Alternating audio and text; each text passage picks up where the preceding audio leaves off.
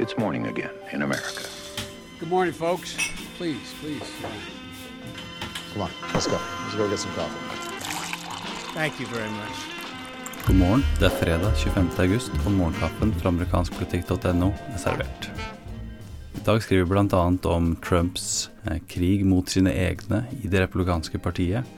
Eh, vi har et sitat fra Jeff Flake, senatet fra Arizona, som sier at måten Trump styrer landet på, nærmest inviterer en eh, utfordrer i dominasjonskampen i 2020.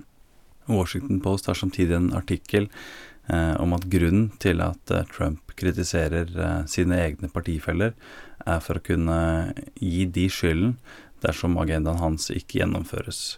Eh, og Tony Fabrizio, en eh, replikansk pollster som gjorde litt jobb for Trump i 2016, eh, har tall som peker i retning av at eh, foreløpig, eh, blant hans egne riktignok, så, så legger de skylda på replikanerne i Kongressen og ikke på Trump for at agendaen hans ikke har kommet gjennom. Så vi lenker til den artikkelen fra Washington Post som har en del interessante sitater. Og samtidig så har CNNs Chris Elissa kommet fram til at Trump har kritisert eller angrepet elleve republikanske senatorer eh, i løpet av sin tid som eh, president og på tampen av nominasjonskampen.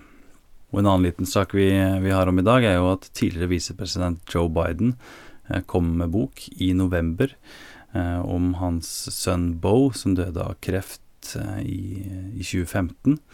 Eh, boka heter da 'Promise Me Dad A Year of Hope, Hardship and Purpose'. Eh, du leser mer om disse og andre saker i dagens utgave av Morgenkaffen, som er servert av Martin Totland og undertegnede Are Togoflaten.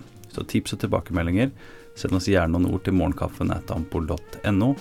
Du abonnerer ved å gå til ampol.no kaffen, og så snakkes vi på mandag.